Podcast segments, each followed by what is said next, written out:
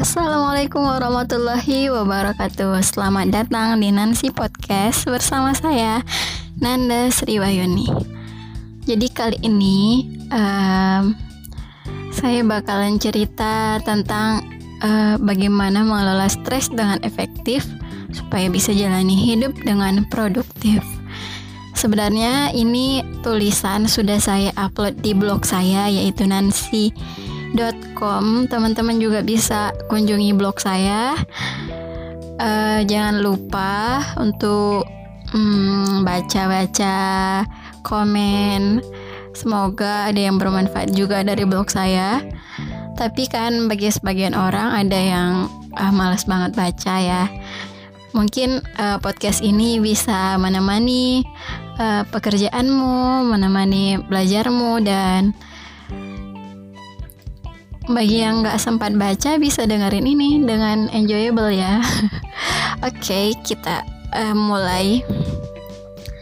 Jadi kan merdeka adalah satu kata yang kompleks dengan beragam perspektif. Kemerdekaan itu juga soal memberi ruang antara stimulus dan respon, lalu memilih bagaimana cara kita menghadapinya. Dan kita selalu punya kesempatan itu, kesempatan untuk memilih apa yang terbaik untuk kita. Stres ini merupakan bagian kehidupan. Stres dibutuhkan manusia untuk berkembang dan berkarya. Karena kurang stres juga tidak sehat. Terlalu banyak stres juga tidak sehat. Jadi, stres ini itu adalah uh, reaksi emosional baik dari tubuh terhadap tuntutan fisik, psikologis, dan emosional berupa perasaan tertekan atau ketegangan dalam hidupnya. Stres ini adalah fakta kehidupan. Kenapa stres yang sama direspon berbeda-beda oleh seseorang? Karena stres yang dikelola dapat berguna dan sehat jika kita merespon dan melihat peristiwa sebagai tantangan, bukan sebagai beban. Stres yang tidak dikelola akan menjadi sulit dan tidak sehat. Melihat peristiwa itu sebagai ancaman itu sesuatu yang uh, tidak baik karena percayalah tubuh dan pikiran saling terpengaruh. Banyak hal yang bisa menjadi faktor pencetus stres di antaranya harapan yang kita tempatkan pada diri sendiri. Kita terlalu banyak berharap ini itu kita uh, menuntut diri kita untuk harus lebih baik, harus lebih baik, lebih baik. Tapi tanpa sadar kita uh, stres sendiri karena tidak bisa mewujudkan eh, tuntutan-tuntutan uh, yang kita uh, beri pada diri kita sendiri. Dan kemudian ketika kita gagal melakukan sesuatu yang sudah kita rencanakan dengan matang, sering kali kita menghakimi diri sendiri.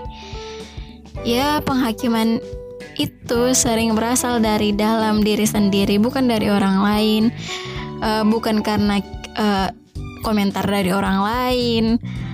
Tapi terkadang kita tidak sadar itu hasil uh, akumulasi dari harapan pikiran kita sendiri yang kita tuntut kepada diri sendiri, kemudian kita hakimi diri sendiri, dan akhirnya kita bisa sakit, bisa bi kita bi bisa stres, dan itu seharusnya bisa kita hindari.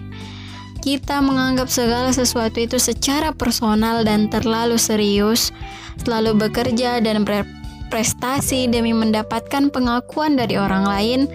Lalu setelah kepuasan dan pengakuan itu habis, terus-menerus bekerja lagi, bekerja terus tanpa mengenal istirahat untuk memenuhi kebutuhan itu, yaitu kebutuhan akan pengakuan orang lain. Padahal kita, tubuh kita juga perlu istirahat, uh, walaupun banyak mimpi yang harus kita capai, tapi kita juga harus tahu mana yang baik dan mana yang buruk untuk kita.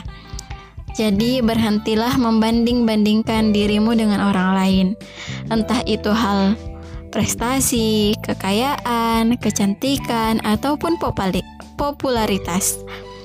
Kamu hanya boleh membandingkan dirimu saat ini dengan dirimu sendiri di masa lalu. Mungkin kamu tidak sadar sudah banyak bertumbuh dan melakukan perubahan secara fenomenal. Misalnya hari ini uh, tinggi kita 150, besok 151. Uh, pertambahan tinggi badan 1 cm itu saja sudah sangat fenomenal apalagi ketika IP kita misalnya 3,00 berubah menjadi 3,02 itu perjuangannya juga butuh uh, kerja keras kan? Tapi kadang kita karena selalu membandingkan dengan orang lain kita jadi merasa rendah diri kita merasa uh, pesimis dan akhirnya membuat kita menunda-nunda dan lebih sering bermalas-malasan. Kembalikan dirimu pada tempatnya, beri waktu pada dirimu untuk menemukan kembali hal-hal indah dan berharga yang sudah dicuri, direnggut darimu setiap kali kamu mengalami kegagalan atau dihianati. Stres juga bisa berasal dari harapan orang lain kepada kita yang tidak bisa kita penuhi. Kita tidak bisa selalu memenuhi harapan orang lain harus mengikuti kemauan orang lain dan mementingkan kebahagiaan orang lain daripada diri sendiri. Seringkali kita menjelma menjadi people pleaser. People pleaser ini adalah seseorang yang selalu berusaha melakukan atau mengatakan hal yang menyenangkan orang lain, sulit mengatakan tidak terhadap permintaan orang lain, meski bertentangan dengan apa yang dipikirkan atau yang dia rasakan. Ini dia lakukan agar orang lain tidak kecewa kepadanya, agar disukai orang lain. Ia membentuk dirinya sesuai harapan orang lain dan punya kebutuhan yang tinggi untuk diterima orang lain. Ini masalah penerimaan juga sangat kompleks ya. Kita sering kali dalam suatu komunitas, di dalam lingkungan teman-teman kita ingin merasa diterima, ingin merasa didengarkan. ya, setiap orang memang uh, ingin didengarkan tapi uh, karena kebutuhan untuk selalu diterima itu jadi kita melupakan warna diri kita sendiri jadi kita lupa uh, hakikat diri kita sendiri karena terlalu memikirkan keinginan orang lain. Jadi stres juga bisa berasal dari lingkungan fisik dan internal di sekitar kita seperti kebisingan, perubahan cuaca, tekanan akademis, frustasi karena orang tua, keluarga ke karena keluarga, karena kekurangan waktu, karena keputusan-keputusan yang sebelumnya kita lakukan dan kehidupan sosial dalam pertemanan. Perubahan cuaca juga sangat penting sih karena kadang uh, kita suasana hati kita mengikuti suasana cuaca. Misalnya lagi mendung, lagi hujan, jadi kita cenderung cenderung malas-malasan, jadi cenderung ingin tidur aja gitu, nggak produktif lagi. Jadi banyak waktu yang terbuang karena perubahan cuaca tersebut. Atau karena kebisingan misalnya kita ingin fokus gitu belajar tapi si adik atau teman-teman kita lagi sen sedang bercanda-bercanda di samping kita gitu. Jadi kita nggak bisa fokus kan jadi itu bisa juga sebagai sumber stres. Nah apa saja gejala stres yang tidak dikelola dengan baik itu bisa terjadi peningkatan denyut jantung dan tekanan darah, merasa tegang, mudah tersinggung, mudah marah, lelah, kurang minat, penurunan kemampuan konsentrasi, dan apatis kepada orang lain. Bisa juga ada perilaku menghindar dengan penyalahgunaan obat-obatan, misalnya narkoba, alkohol, atau tembakau, uh, yaitu merokok. Lalu, bagaimana cara mengelola stres secara efektif? Ini kita perlu menjaga keseimbangan dalam hidup. Jangan berlebihan belajar atau jangan berlebihan dalam bermain. Ketahui dan terima orang yang seperti apa dirimu. Ketahuilah kekurangan dan kelemahanmu, kemudian mulai perbaiki secara bertahap dan pelan-pelan saja. Karena semua butuh proses.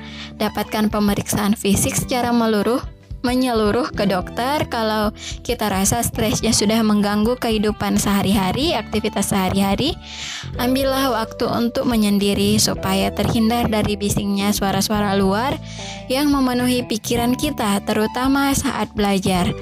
Kemudian perluas jaringan pendukung dan perkuat pertemanan. Tidak harus banyak teman supaya kita dianggap paling baik, paling superior, paling uh, bisa bergaul tidak. Tapi kita bisa temukan teman-teman uh, yang walaupun sedikit tapi mereka bisa menyemangati kita bisa menerima kita apa adanya dan bisa mensupport dan uh, mendukung kita untuk ke arah yang lebih baik. Temukan teman yang baik dan saling menguntungkan Buat yang sedang merasa sakit, belajarlah bercerita dan pilihlah orang yang tepat untuk mendengarkan ceritamu. Jangan selalu dipendam sendiri ya. Buat yang sedang mendengarkan cerita yang menyakitkan, belajarlah untuk mendengarkan saja tanpa menghakimi. Hindari perkataan, ah cobaanmu segitu aja, sudah banyak ngeluh, yang kurasakan kan lebih sakit. Ih kamu lemah banget sih. Jadi pilihlah susunan kata-kata yang baik dan tidak menyakiti hati orang lain. Setiap orang berbeda-beda dalam merespon segala sesuatu, jadi kita bisa sesuaikan. Kemudian bisa dengan berolahraga secara teratur minimal tiga kali dalam seminggu. Kemudian bisa atur pernapasan dan perbanyak berjalan. Pelajari dan latih keterampilan relaksasi pelajari setiap mata pelajaran, setiap mata kuliah secara teratur dan periodenya bertahap. Jangan menunda dan menumpuk-numpuk pekerjaan. Lakukan selagi bisa dan uh, jangan menunggu waktu luang. Kita bisa diskusikan masalah dengan teman, keluarga, guru, dan mintalah nasihat. Jangan memendam perasaanmu terus-menerus ya. Jika tidak nyaman untuk bercerita, kamu boleh kok menulisnya di buku harian. Mulailah untuk berani mengatakan tidak untuk hal yang tidak kamu sukai.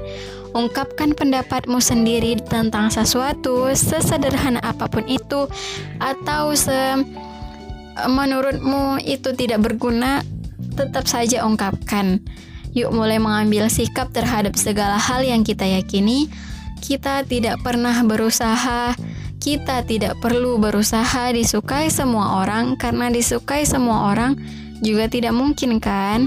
Selama kita secara umum menyukai diri sendiri dan disukai oleh orang yang menyukai kita dengan segala kekurangan dan kelebihan kita itu sudah cukup. Jangan terlalu banyak mikir dan dipikirkan. Jangan-jangan itu semua hanya teater dalam pikiran kita dan tidak nyata. Ketakutan-ketakutan kita tidak nyata dan kita sering kali uh, apa ya belum berusaha udah menyerah. Tidak apa-apa untuk tidak baik-baik saja. Kita hanya perlu menerima. Mulailah untuk mencintai dirimu sendiri Stres tidak bisa kita hindari, masalah juga datang silih berganti, tapi kita bisa mengenali penyebab stres dan bagaimana cara menguranginya, bagaimana cara mengontrolnya dan mengendalikannya, sehingga kita dapat menjalani kehidupan dengan layak, nyaman, dan bahagia. Ciptakan lingkungan keluarga, lingkungan kerja, dan suasana yang kondusif. Jangan lupa untuk selalu mendekatkan diri dengan Tuhan Allah Subhanahu wa Ta'ala semua hanya sementara, hidup hanya sekali. Mari lebih menjadi berarti. Semoga uh, podcast kali ini bermanfaat untuk kita semua. Jangan lupa untuk share podcast ini kepada teman-temanmu supaya uh, semangat tertularkan dan kita bisa uh, mendapatkan berkah um, dari apa pun yang kita lakukan. So, sekian dulu podcast kali ini. Terima kasih sudah mendengarkan.